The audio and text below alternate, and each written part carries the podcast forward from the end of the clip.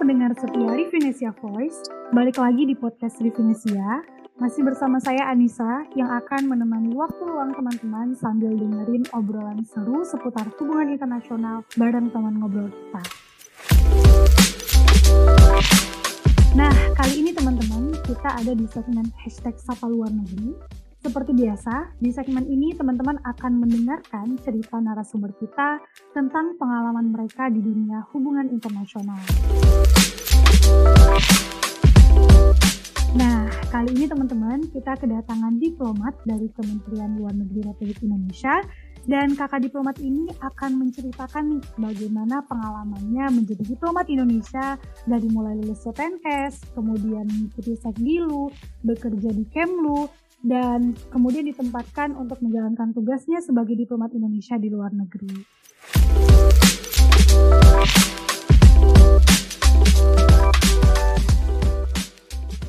Nah, teman-teman penasaran kan gimana perjalanan seorang diplomat, uh, khususnya diplomat Indonesia? Jadi langsung kita hadirkan dan sudah bersama kita Kak Aris. Beliau saat ini adalah diplomat di Konsulat Jenderal Republik Indonesia atau biasa kita sebut KJRI yang ada di Jeddah. Oke, halo Kak Aris, gimana kabarnya Kak sekarang? Halo Anissa, Alhamdulillah kabarnya baik. Alhamdulillah. Apa kabar? Alhamdulillah baik juga Kak. Wah, sekarang lagi di Jeddah ya Kak ya berarti? Iya, Alhamdulillah udah berapa bulan ya? Sejak April sekarang mulai ditempatin di Jeddah, di Kajari Jeddah. Oh, sejak April berarti merasakan uh, lebaran di Jeddah juga ya Kak? Iya, uh, saya itu tiba satu hari sebelum Ramadan ya. Jadi pas nyampe oh. ke sini langsung puasa. puasa. oh iya. Nah, sambil karena ngomongin puasa nih ya, Kak. Kira-kira ada nggak sih Kak perbedaan puasa di Jeddah sama puasa di Indonesia? Kalau soal durasi waktu mungkin nggak jauh beda ya. Uh, hmm. Kalau dibandingkan antara Indonesia dengan negara-negara Eropa lainnya yang jauh lebih lama tapi kalau uh, antara Indonesia dan Arab Saudi, apalagi kalau saya dari daerah saya kan, saya itu asalnya dari, dari Aceh. Uh, hmm. Waktu buka puasa dan waktu sahurnya itu agak-agak mirip, jadi masih masih bearable. Uh, mungkin yang jadi tantangan itu ya cuma cuaca panasnya. Iya. itu karena kita sering di, ya karena kita sering di dalam ruangan juga, jadi bisa dibilang sama aja nggak berasa. Oke, kalau makanan gitu kak kan biasanya kalau puasa kan suka ada apa ya kalau kata anak muda tuh BM BM gitu kak. Maksudnya kayak uh, karena kebiasaan tuh di Indonesia kan biasanya cendol gitu ya kalau buka atau uh, gorengan-gorengan gitu. Kalau di Jeddah susah nggak kak nyari nyari kayak gitu kalau lagi puasa? Nah untungnya di Jeddah itu, ya terutama di Jeddah ya di Arab Saudi ini tuh uh, banyak toko-toko Indonesia. Jadi kita bilang oh. itu bagalah, bagalah Indonesia uh, mostly itu toko kelontong tapi mereka setiap hari uh, khususnya bulan puasa ya ada uh, yang nitipin uh, makanan-makanan snack-snack buka puasa gitu. Kalau bukan kalau buka puasa itu uh, biasanya juga ada cendol, kolak gitu gitu. Hmm. Jadi cukup mudah sih. Masih dapat. Oke, okay. nah kak ngomongin ngomongin Jeddah nih kan, kan saat ini tuh lagi deket-deket uh, mau Lebaran Haji ya kak. Kira-kira, yeah. uh, uh, terus Indonesia kan biasanya uh, kalau yang saya dengar-dengar ya kak, biasanya um, jamaah Indonesia itu lumayan terbanyak gitu nggak sih kak? Itu bener nggak ya? Kayak banyak gitu. Iya benar. Nah, benar, ya. benar. ada perubahan kesibukan nggak sih kak masyarakat di di Jeddah di Arab Saudi gitu kalau mau deket-deket Lebaran Haji? Iya, kental kental ada perbedaannya. Tadi benar uh, kalau jemaah Indonesia itu jemaah haji Indonesia itu paling banyak uh, diberikan kuotanya oleh pemerintah Arab Saudi. Oh. Jadi kalau normalnya di luar ini, tahun ini kan bisa dibilang nggak normal ya karena pertama kali dibuka setelah pandemi. pandemi. Tapi tahun-tahun sebelumnya normal itu kan uh, setiap tahun pemerintah Saudi buka kuota 2 juta jemaah haji.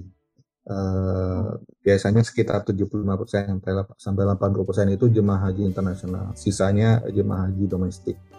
Nah, jemaah haji internasional itu paling banyak diberikan ke Indonesia.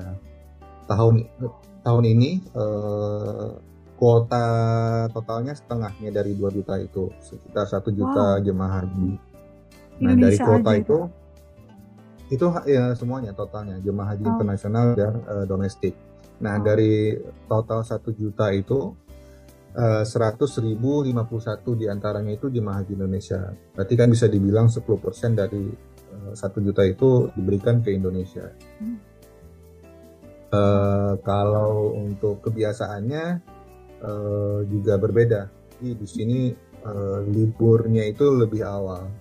Eh, Oh. Kalau saya nggak salah, eh, itu sejak eh, tanggal 7 Zulhijjah, mungkin sekitar tanggal 6 Juli, Hmm. itu pem- pemerintah Saudi public services itu semuanya sudah mulai libur. Jadi semuanya fokus untuk pelaksanaan ibadah haji. Apakah me- melaksanakan ibadah haji itu sendiri atau eh, menjadi eh, panitia atau hanya sekedar observance. Jadi eh, libur cuti bersama gitu lah kita ceritanya.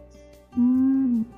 Kita KJRI juga libur, libur tapi eh, kantornya libur, tapi sebagian juga tetap kerja sebagai petugas haji. Oh, Oke. Oh berarti dan yang menjadi petugas haji itu diplomat juga kak? Eh, sebagian iya, sebagian eh, staff di KJRI karena eh, di KJRI itu di setiap perwakilan itu ada local staff ya. Oh, Oke. Oke. Oke kak. Nah, em, oke. Sebelum mungkin eh, aku tanya-tanya tentang pengalaman kak Aris ya kak. Mungkin kak Aris bisa ceritain dulu kak backgroundnya. Apakah dulu kak Aris eh, memang ngambil jurusan hubungan internasional gitu S1-nya, terus S1-nya di mana? Dan apakah menjadi diplomat ini emang cita-citanya kak Aris dari dulu? Thank you. thank you. Ini menarik ini karena eh, mungkin kalau orang-orang di luar apalagi yang eh, yang backgroundnya HI ya, Hmm, mengira kalau untuk menjadi diplomat itu mostly HI. HI. Tapi ternyata enggak. eh, Hmm. Apalagi di tahun saya itu yang paling banyak itu justru hukum internasional. Oh, Nah, hukum. saya sendiri itu backgroundnya, ya, eh, saya itu backgroundnya itu political science, ya, politik. Oh, yang S1 hukum. saya politik, eh, S2 saya political science, spesifikasinya research methods. Kalau ditanya apakah saya punya cita-cita, apakah diplomat? Ini cita-cita saya sejak dari dulu, Hmm. eh, ya enggak juga karena saya bahkan nggak pernah kebayang untuk jadi diplomat. Eh, apa path career saya yang kebayang sewaktu kuliah itu eh, karena spesifik ya eh, justru jadi dosen di kampus. Karena apa yang saya pelajari di kampus itu lebih ke eh, teori-teori ilmu politik eh, political theory. Eh, bahkan sejak S2 saya ngambil eh, political science research methods. Jadi kebetulan di kampus yang saya eh, datangin waktu itu hanya ada dua penjurusannya. Tiga tiga penjurusannya. Satu British politics. Eh, saya nggak nggak mungkin ngambil British politics. Kemudian itu research methods. Nah research methods ini sengaja saya ngam- ngambil karena eh, kebetulan di kampus S1 saya sebelumnya itu eh, research methods ilmu politik itu ada agak kurang jadi bisa dibilang cita-citanya dari dulu memang jadi dosen, Dosen. belajar ilmu politik. Politik.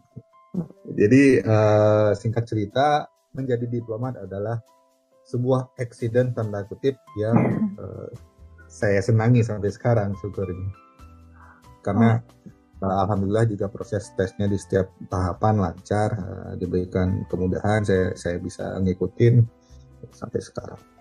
Hmm, jadi dulu waktu itu daf- daftar diplomat, daftar CPNS Kemlu itu ya kak. Itu setelah lulus S1 atau setelah lulus S2 kak? setelah lulus S2. Eh, Oh. Jadi waktu itu eh, kalau- boleh rewind ya, Mm-mm. eh, saya lulus S1 itu 2013, terus saya S2 selesainya 2000, eh saya mulai S2 2015, ada gap di situ. Hmm. Se- eh, waktu itu saya masih di kampus mainnya, eh, persiapan S2 juga. Terus Hmm. S2 2015, selesai 2016. Kemudian istri saya juga S2, saya nunggu istri selesai S2 2016 selesai 2017. Hmm. Eh, anak saya lahiran. Eh, kemudian selagi nunggu itu eh, kebet- kebetulan ada pembukaan CPNS. Hmm. Uh, nah itu pertama kali dibuka CPNS setelah uh, ada moratorium sekitar tiga tahun dari tahun 2015 baru buka lagi tahun 2017. Hmm. Uh, jadi saya waktu itu memang nyarinya ke kampus tapi um, karena mungkin probability-nya dan satu satu dan lain hal uh, pertama ijazah S2 saya belum disetarakan jadi nggak mungkin untuk daftar dosen. Uh, jadi saya daftar ke Kemlunya itu pakai ijazah S1 oh. uh, Alhamdulillah uh, lancar semuanya. Jadi pemberkasan waktu selama masih saya di luar uh, kemudian setelah lulus tahapan administrasi pulang ke Jakarta ikut tes dari uh, tes pengetahuan umum, akademik, uh, apa wawancara, tes kesehatan, psikologi, lain-lain. Hmm. Oke, okay. nah kalau dengar cerita Kak Aris itu ya Kak, jadi kayak persiapannya tuh, um, apakah Kak Aris melakukan persiapan khusus untuk uh, tes ini karena kalau di apa ya kalau dilihat-lihat gitu ya sekarang ini tuh kayak menjadi diplomat itu persiapannya harus setahun sebelum gitu karena saingannya luar biasa banyak gitu. Nah kalau Kak Adi sendiri kemarin itu uh, beneran menyiapkan gitu Kak atau atau gimana sih proses persiapan Kak Aris waktu mau daftar CPNS Kemlu?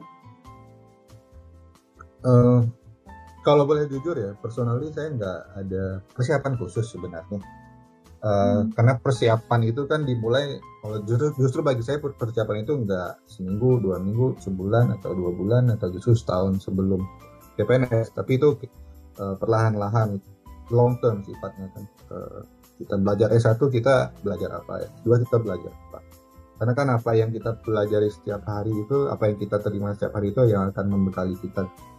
Uh, mostly yang dibutuhkan uh, pada umumnya untuk untuk tes diplomat di Kemlu itu bahasa asing tentu apakah bahasa Inggris, bahasa Arab atau bahasa PBB lainnya. Uh, kemudian kan knowledge soal hubungan internasional itu sendiri. Mungkin bisa kita dapat selama belajar hubungan internasional kalau memang jurusannya HI atau uh, ya pengetahuan secara umum uh, teori-teori HI.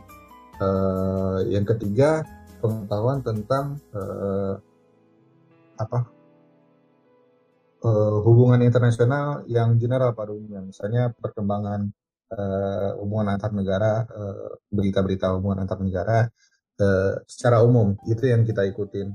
Jadi kan itu uh, apa yang kita apa yang kita terima sehari-hari setiap harinya yang membekali kita kan. Jadi saya bilang sih nggak ada persiapan khusus kecuali misalnya untuk uh, kan uniknya di Indonesia itu untuk menjadi diplomat uh, mau tidak mau uh, menjadi PNS berarti harus persiapan juga tes PNS-nya.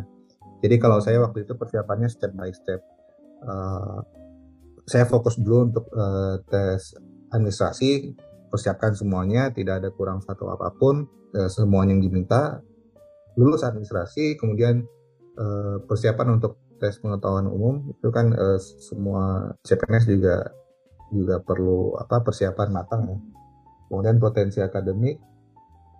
Uh, justru saya perlu bilang juga uh, yang perlu diperhatikan oleh calon uh, CPNS slash diplomat itu justru uh, kesehatan baik hmm. uh, apa fisik maupun mental karena ada dua tes yang menurut saya cukup berat itu satu tes uh, kesehatan kedua tes uh, psikologi tes psikologi ini ada tes uh, pakai instrumen itu seharian penuh. Jadi ada berbagai tes uh, instrumen eh tes psikologi dengan banyak instrumen seharian penuh. Kemudian setelahnya ada juga tes wawancara psikologi. Yang menurut saya itu paling berat. Karena banyak yang secara akademik itu uh, bagus, uh, pinter-pinter, bahasa asingnya juga justicious, uh, tapi kemudian uh, sayangnya jatuh di uh, tes kesehatan dan tes psikologi. Jadi makanya saya bilang itu persiapan itu jauh-jauh hari. Uh, mungkin seperti itu Anissa. Mm -hmm. Oke, okay. oh iya benar juga ya kak, karena kayak apalagi kesehatan terutama nggak bisa dipersiapkan uh, hamil berapa bulan gitu ya, karena harus pola hidup ya kak, pola hidup sehat. Benar benar benar. karena mungkin saya yakin kalau bahasa asing knowledge soal IR itu uh, apalagi yang jurusan HI itu pasti sudah sudah sudah terbekali kan, sudah hmm. pinter lah. Tapi uh, untuk kesehatan kesehatan itu fisik dan mental itu mungkin butuh apa ya persiapan persiapan persiapan khusus dalam tanda kutip gitu. Uh, uh. Dan kebiasaan hidup. Iya iya benar. Oke, okay. nah terus uh, singkat cerita kan berarti Kak Aris lulus gitu ya Kak di CPNS Kemlu, terus kemudian mengikuti Sekdilu. Nah, Sekdilu ini sering gitu Kak terdengar di mahasiswa. Nah, uh, biasanya kalau misalnya ngunjungin atau misalnya uh, ngundang gitu, ngundang diplomat-diplomat muda yang baru keterima CPNS, itu mereka biasanya uh, cerita, oh kita lagi Sekdilu sekarang. Nah, ini banyak nih Kak mahasiswa sebenarnya yang masih belum tahu Sekdilu itu apa sih Kak sebenarnya? Iya, yeah, uh, dulu sekolah dinas luar negeri. Uh, bisa dibilang ini kan pendidikan uh, pelatihan fungsional diplomat yang paling dasar untuk untuk di Kemlu Indonesia. Uh, kita ada tiga tingkatan. Nah, yang pertama itu dan yang paling dasar adalah Sekdilu. Nah, kita itu kan punya Permenlu nomor 4 tahun 2019 tentang uh, pejabat dinas luar negeri, diplomatik konsuler. Jadi kita bilangnya sih singkatnya PDK, uh, eh, pejabat dinas luar negeri, diplomatik dan konsuler.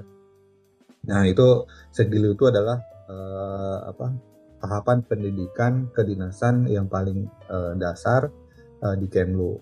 Nah, uh, ini biasanya uh, untuk ya kan ada ada tiga tingkatan tadi sekdilu, sesdilu dan sesparlu. Nah sekdilu ini untuk uh, gelar diplomat atau jenjang diplomat atase dan uh, sekretaris ketiga. Jadi begitu kita masuk pertama kali setelah sekdilu itu kita langsung, langsung ya jadi atase. Kemudian setelah beberapa waktu dan uh, Eh, semua persyaratan terpenuhi kita jadi sekretaris ketiga. Nah, Sekdilu itu uh, tempat bekali pertamanya. Hmm, oke. Okay.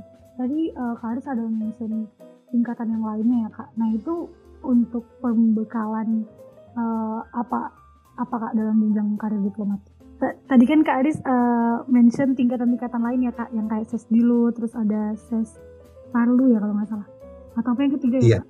Ya, nah tahap pertama sekdilu, sesdilu, dan sesparlu. Sesparlu, oke. Okay. Nah, ses uh, dilu dan sesparlu itu untuk apa kak? Diplomat mengikuti hal itu? Iya, uh, pertama sekdilu dulu ya. Uh, kalau sekdilu dulu kan karena dia dasar itu uh, untuk atase dan sekretaris ketiga. Uh, itu biasanya uh, selain uh, apa teknik-teknik dan praktik-praktik diplomasi pada umumnya termasuk persidangan bilateral, regional atau multilateral hmm. uh, atau skill-skill khusus seperti table manner, etika pergaulan internasional yang yang umum-umum gitu. Uh, pada isu-isu khusus juga misalnya uh, dan itu biasanya kan uh, apa bentuknya uh, di dalam kelas uh, seminar gitu-gitu, ada praktiknya juga, ada proses magangnya juga. Nah itu biasanya kalau berdasarkan Permenlu yang saya sebut tadi yang tahun yang nomor 4 tahun 2009, 2009 itu hmm. lamanya sekitar 8 bulan. Nah yang kedua setelah uh, setelah apa persyaratannya cukup dan sudah menduduki uh, sekretaris ketiga itu uh, ada yang namanya uh, ses dilu. Kalau ses dilu itu kan uh, untuk diplomat muda, jadi dia dari dari sekretaris kedua, sekretaris pertama sampai dengan konselor. Nah, bentuk uh, sekolahnya juga uh, metodenya agak berbeda karena kalau yang tadi kan lebih ke seminar, uh, ceramah, diskusi, presentasi. Nah ini juga ada uh, apa yang ya, ada ada beberapa hal yang lebih lebih sophisticated uh, dan khusus. Uh, kalau misalnya stek dilu tadi kan biasanya kita sebutnya untuk diplomat pertama, uh, hmm. yang yang ses dilu untuk diplomat muda dan ses paru untuk uh, diplomat uh, media. Uh, kalau ses parlu itu uh, sekolah staf dan pimpinan uh, Kementerian Luar Negeri. Jadi udah udah siap untuk jadi apa uh, eselon 2 biasanya. Hmm. Um, nah kalau kali sendiri udah di tingkatan udah ngerasain tingkatan mana aja kak? saya masih diplomat pertama, masih baru. Saya eh, angkatan 40 2018, ses dilunya 2018. Sekarang saya di di sekretaris ketiga. Oh, ya, oh. ya, uh, kalau boleh singgung itu sedikit. Ya, uh, di setiap perwakilan juga uh, jadi selama di Jakarta sebenarnya uh, jenjang diplomat ini juga nggak terlalu diperhitungkan. Jadi jenjang gelar diplomatik ini uh, baru akan terpakai ketika kita di perwakilan di KBRI, di KJRI atau sebagainya. Uh, di KBRI biasanya disebut dengan gelar diploma gelar diplomatik tadi, misalnya sekretaris ketiga di KBRI A, uh, apa konselor di KBRI B misalnya. Tapi ketika di konsulat jenderal biasanya uh, di bawah konsul jenderal ada konsul, Uh, kemudian uh, untuk yang masih muda-muda biasanya disebut dengan konsul muda atau vice consul. Hmm, okay. Saya sekarang uh, disebutnya sekretaris ketiga slash vice consul di KJRI juga. Di KJRI juga, oke. Okay. Nah kak, um, mungkin kita cerita dikit tentang dulu tadi ya kak. Uh, pengalaman Boleh. dari pengalaman kak Adi sendiri selama dulu kemarin. Um, ada nggak sih kak pengalaman seru dan apa aja sih yang diajarkan dan berkesan gitu bagi kak Adi selama dulu kemarin? Kalau kita sih yang di angkatan saya khususnya uh, kita sih ngelihatnya step dulu itu selain kita belajar tadi ya belajar dapat pengalaman-pengalaman penting untuk karir kita ke depan. Pertama sih membentuk apa?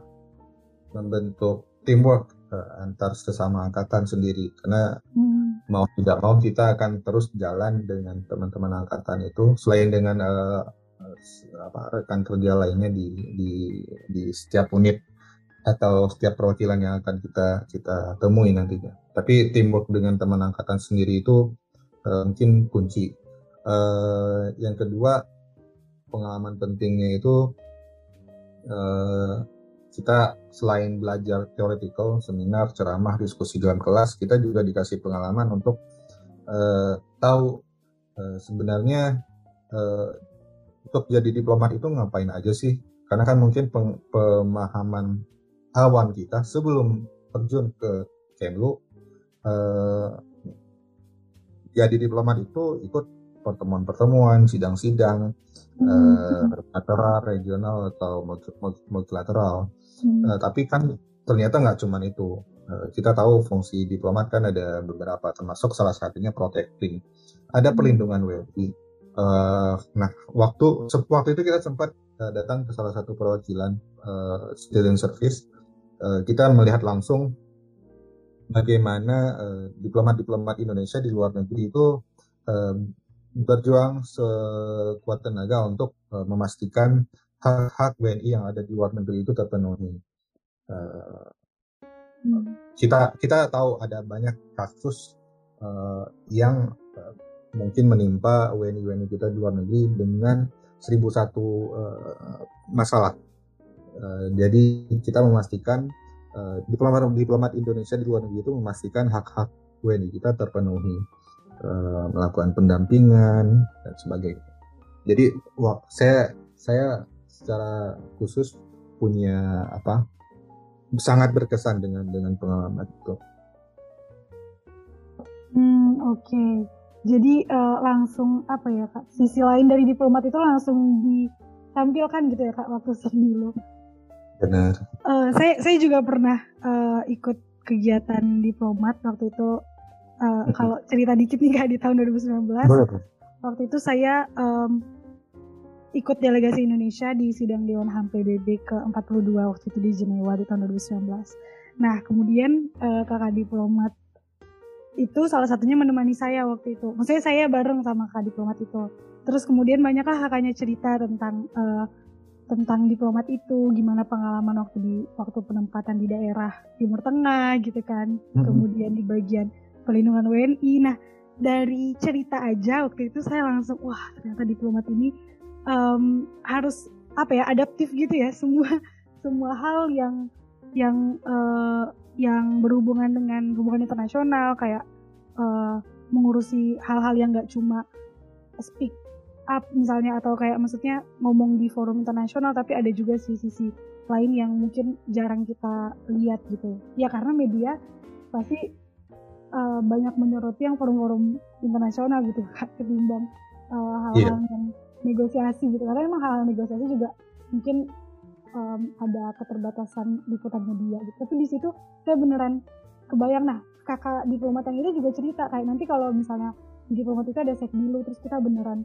melihat tuh uh, kerjanya diplomat. Nah dari cerita aja saya kayak yang wow jadi diplomat itu harus mulia banget. Harus punya hati yang mulia gitu.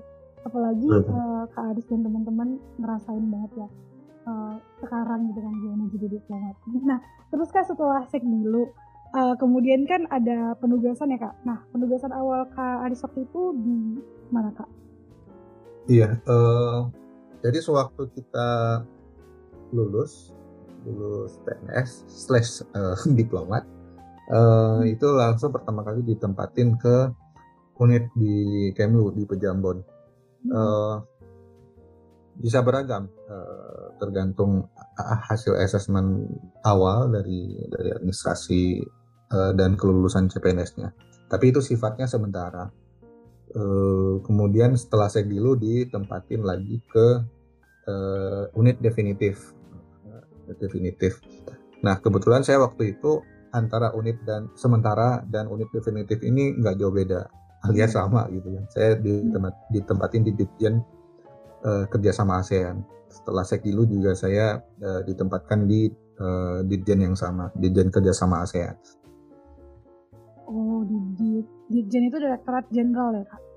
Iya, Direktorat Jenderal itu uh, eselon 1 uh, kalau di Kementerian eselon 1 -nya. Hmm. Oke, okay. nah terus uh, gimana tuh kak pengalaman kak Aris waktu itu? Karena itu pengalaman ini ya kak berarti pertama setelah Sekdilu langsung mengurusi kerjasama ASEAN, kerjasama regional. Wow, gimana tuh kak pengalaman? Iya, uh, jadi iya pertama kali saya itu ditempatin di Dirjen Kerjasama ASEAN. Uh, eselon duanya direktoratnya itu Direktorat Kerjasama Politik dan Keamanan ASEAN, Politik. Keamanan ASEAN. Jadi ASEAN itu kan punya tiga pilar, uh, politik keamanan, ekonomi hmm. dan sosial budaya. Dan saya saya uh, di politik keamanannya. Overall pengalaman di ASEAN itu penting untuk untuk saya pribadi uh, karena itu tempat belajar dan aktualisasi aktualisasi diri yang paling penting di awal karir saya.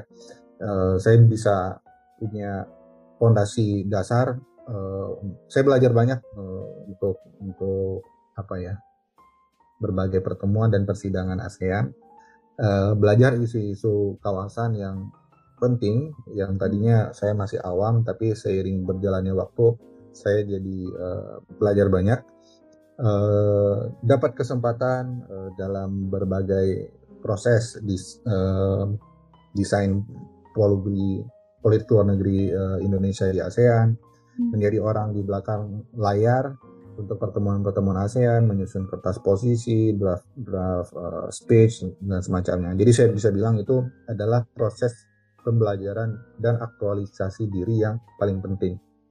Khususnya saya karena dapat dapatnya di awal karir. Jadi saya sangat bersyukur bisa di ASEAN. Hmm. Uh, rasanya gimana? Melelahkan, uh, Anas.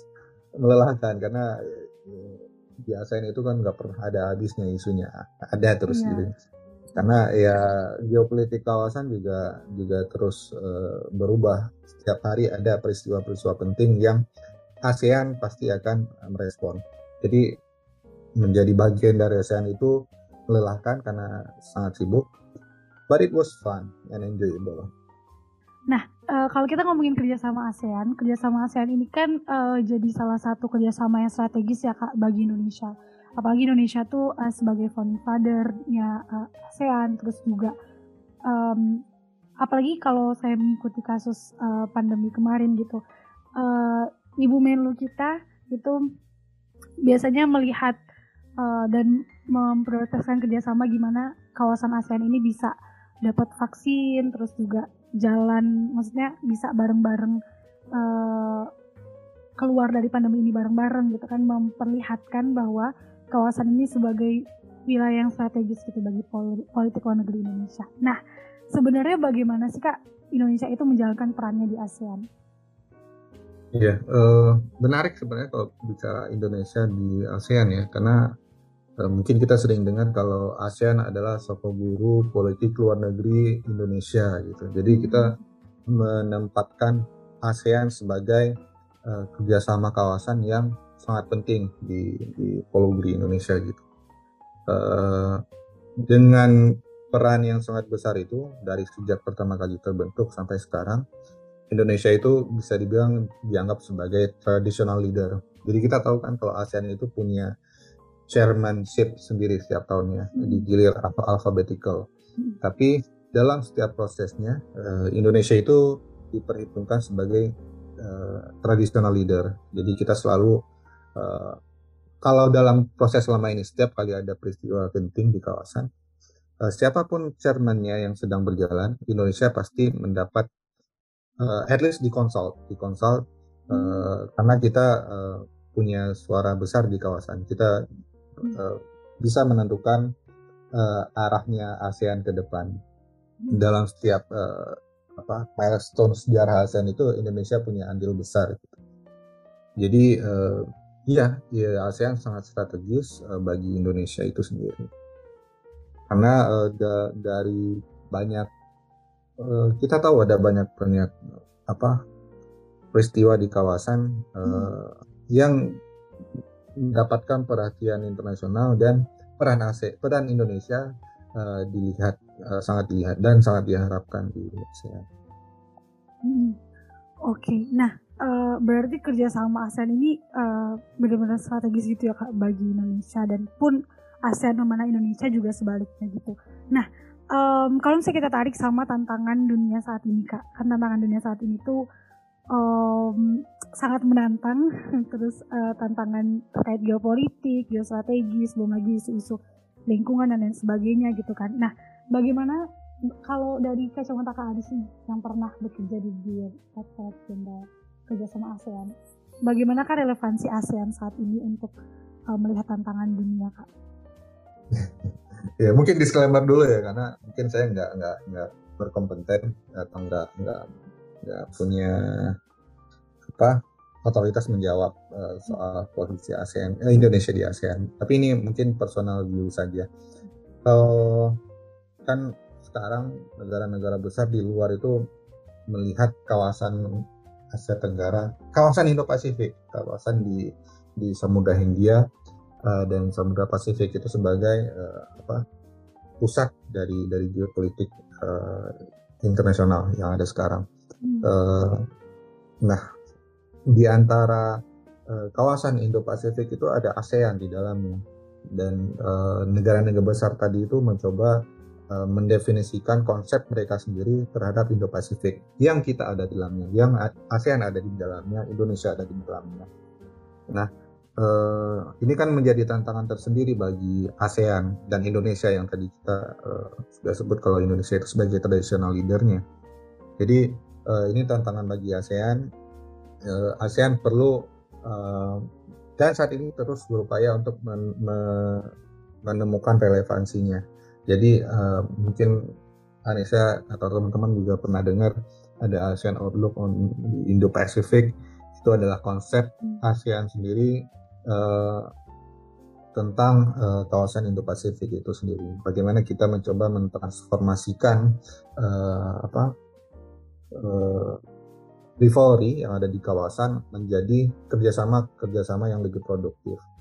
Uh, jadi kita tahu di luar sana, di luar di luar ASEAN ada bisa bisa dibilang polarisasi uh, polarisasi antara kekuatan-kekuatan besar Nah, di ASEAN kita coba uh, transformasikan rivalry itu sebagai uh, kerjasama, kerjasama yang lebih uh, menguntungkan bagi semua pihak. Jadi uh, ASEAN punya peran penting di situ. Hmm. Oke, oke kak. Uh, ini kan agak berat gitu ya kak materinya. Nah kita. Iya, iya. Pada substansi. nah kita sekarang cerita-cerita lagi nih pengalaman kak Adi tentang um, pengalaman jadi diplomat. Nah setelah tadi di Direktorat Jenderal Kerjasama ASEAN, terus sekarang uh, udah ditugaskan di KJRI Jeddah ya kak ya? Iya. Nah, itu gimana Kak proses sampai bisa ditugaskan ke KJRI Jeddah dan kenapa Jeddah gitu? Iya. Oh.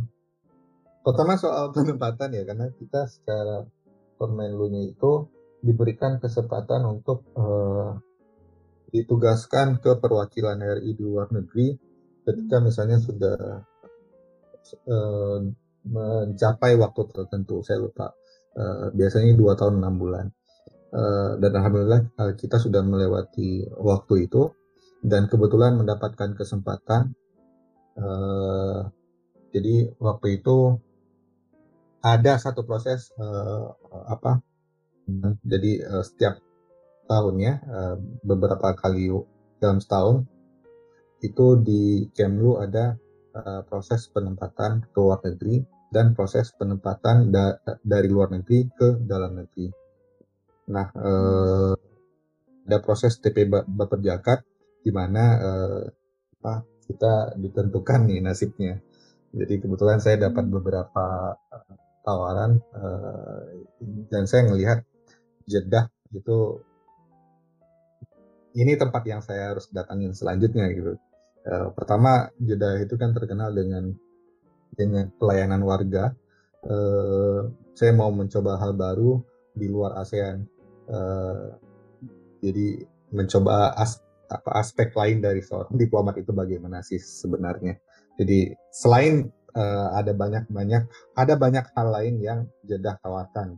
Misalnya kalau saya seorang Muslim, saya mungkin uh, bisa lebih dekat dengan uh, tanah suci. Gitu. Hmm. Alhamdulillah uh, syukur bisa bisa bisa sempat ibadah. Gitu. Uh, jadi ketika dapat tawaran Jeddah, saya langsung ambil. Uh, Alhamdulillah April kemarin tiba di sini.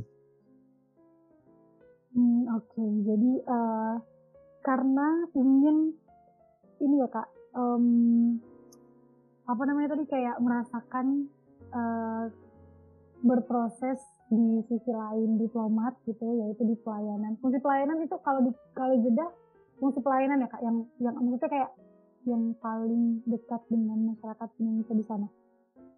Protection, ya, perlindungan. Uh, okay. Iya, walaupun yang lain juga ada ya, uh, promoting di ekonomi gitu. Hmm.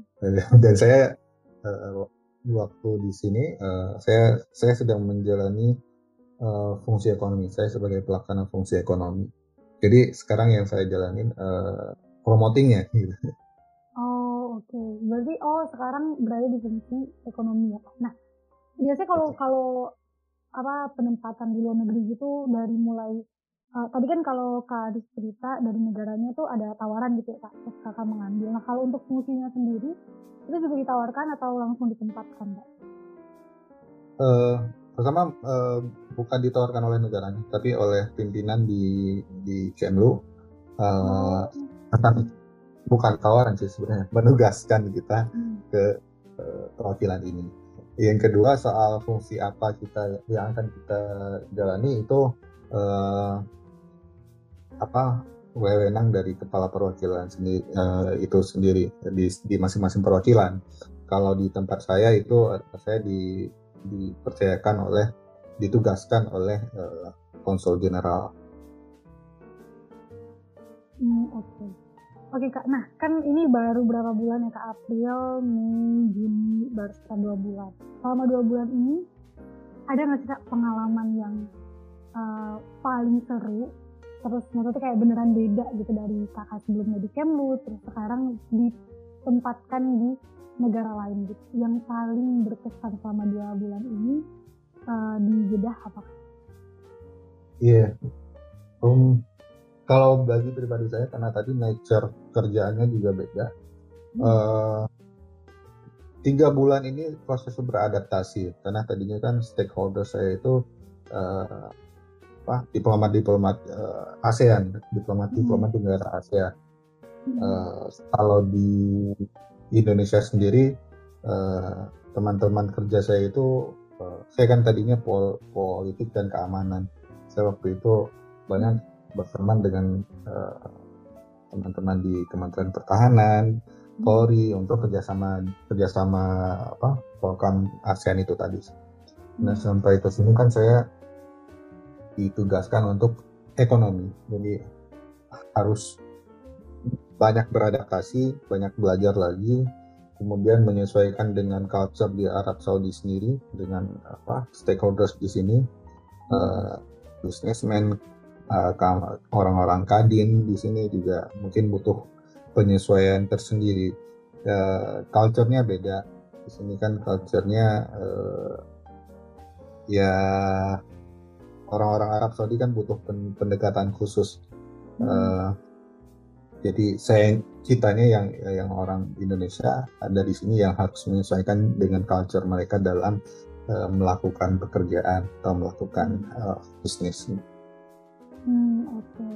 Itu berarti ya kak momen adaptasinya gitu ya kak? Iya, hmm. selain kitanya juga beradaptasi dengan uh, kondisi geografis Arab Saudinya ya, yang panas gitu.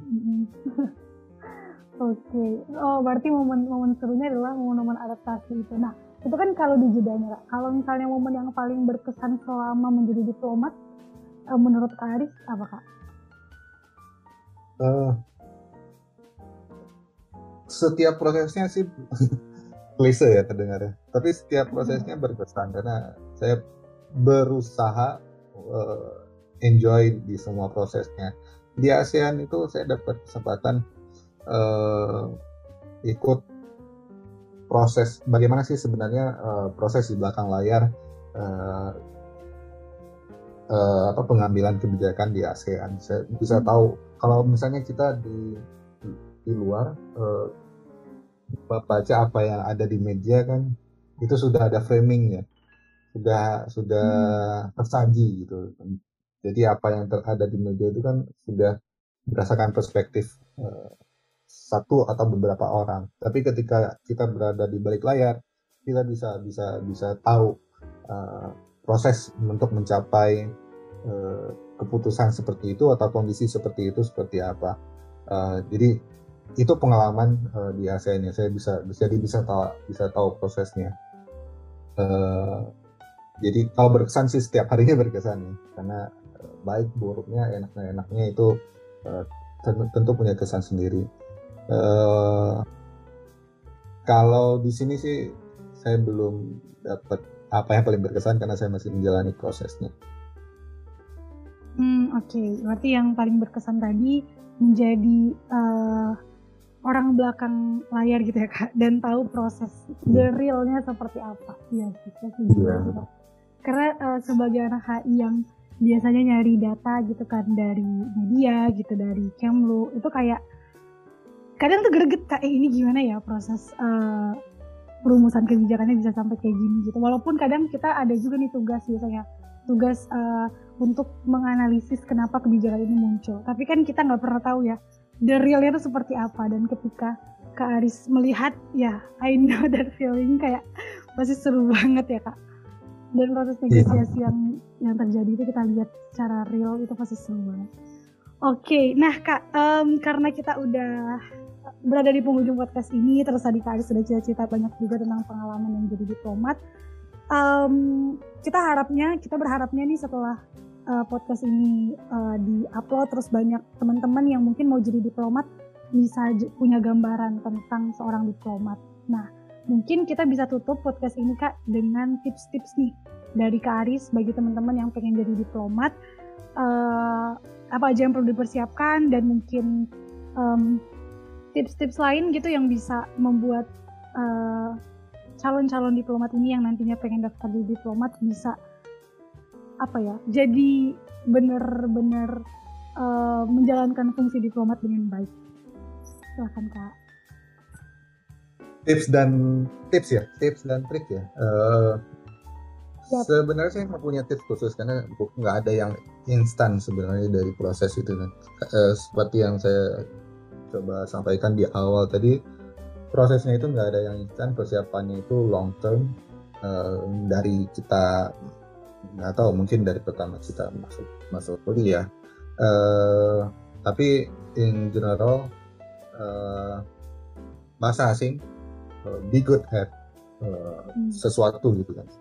Uh, maksudnya jangan nggak nggak perlu harus baik bisa di semua bahasa PBB tapi ketika misalnya kita sedang mendalami satu bahasa bahasa Inggris be good at it uh, bahasa Arab misalnya kita punya sertifikasi di bahasa Arab atau di bahasa Prancis uh, usahakan untuk benar-benar mahir di situ karena itu yang menjadi modal untuk masuk ke Kemlu. Yang kedua di awal tadi saya juga bilang untuk menjadi diplomat di Indonesia itu uh, juga menjadi PNS. Jadi persiapan untuk tes CPNS-nya itu juga uh, harus uh, benar-benar matang. Uh, mungkin ada banyak tips dan trik menjadi uh, apa mengikuti tes CPNS di luar sana yang yang yang bisa kita ikutin. Yang ketiga uh, kesehatan itu tadi karena uh, ini ini mungkin yang uh, persiapannya uh, apa long term bahkan juga hmm. short term. Dalam artian ketika kita mengikuti tes misalnya uh, perlu persiapan kesehatan yang benar-benar matang, uh, jaga kesehatan, hmm, enggak sampai biar nggak sampai sakit gitu, uh, jaga kesehatan mental juga, sering-sering healing gitu ya. Uh, iya itu itu benar-benar uh, apa penting. Karena uh, jadi backgroundnya kenapa kesehatan mental itu penting? Hmm. uh, kenapa tes psikologi itu penting di Kemlu? Karena setiap hari kita dihadapkan dengan banyak hal yang uh, di luar uh, di luar ekspektasi di luar dugaan kita gitu. Uh, let's say misalnya karena kan tadi itu sifatnya penugasan. Kita bisa memilih tapi apa pun yang akan uh, ada di hadapan kita itu adalah sifatnya penugasan. Bisa jadi kita ditempatkan di tempat-tempat yang rawan dan berbahaya. Hmm. Uh, di perwakilan rawan berbahaya yang kita nggak tahu negaranya itu uh, mungkin bisa saja mengancam uh, nyawa, jiwa gitu kan. Uh, jadi kita dipersiapkan untuk kondisi-kondisi yang seperti itu supaya tahan terhadap tekanan di, di, di berbagai kondisi. Jadi kesehatan fisik dan mental jiwa itu juga penting. Mungkin itu aja sih. Oke, uh, terima kasih banyak Kak Aris atas tipsnya. Uh, makasih banyak juga udah bersedia untuk diundang di podcast kita pada hari ini. Sama Anissa, semoga bermanfaat ya. Amin. Kak juga semoga lancar Kak uh, apa tugas-tugasnya dan juga kerjaan-kerjaannya hmm. di Jeddah. Dan ibadahnya juga lancar karena bonus kayak mumpung di Jeddah. Oke teman-teman. Iya, thank you Kak Aris. Uh, baik teman-teman, uh, cerita Kak Aris tadi semoga bisa memberikan banyak manfaat ke teman-teman semuanya, terutama untuk memberikan gambaran kepada para pendengar uh, Indonesia Voice, khususnya yang pengen jadi diplomat tentang kehidupan seorang diplomat. Nah, uh, untuk itu teman-teman jangan bosan-bosan dengerin podcast kita karena kita akan semakin sering untuk uh, memberikan informasi seputar hubungan internasional ke teman-teman semuanya. Dan terima kasih banyak udah ikutin obrolan kita sampai akhir. Sampai jumpa di segmen Sapa Luar Negeri selanjutnya. Terima kasih.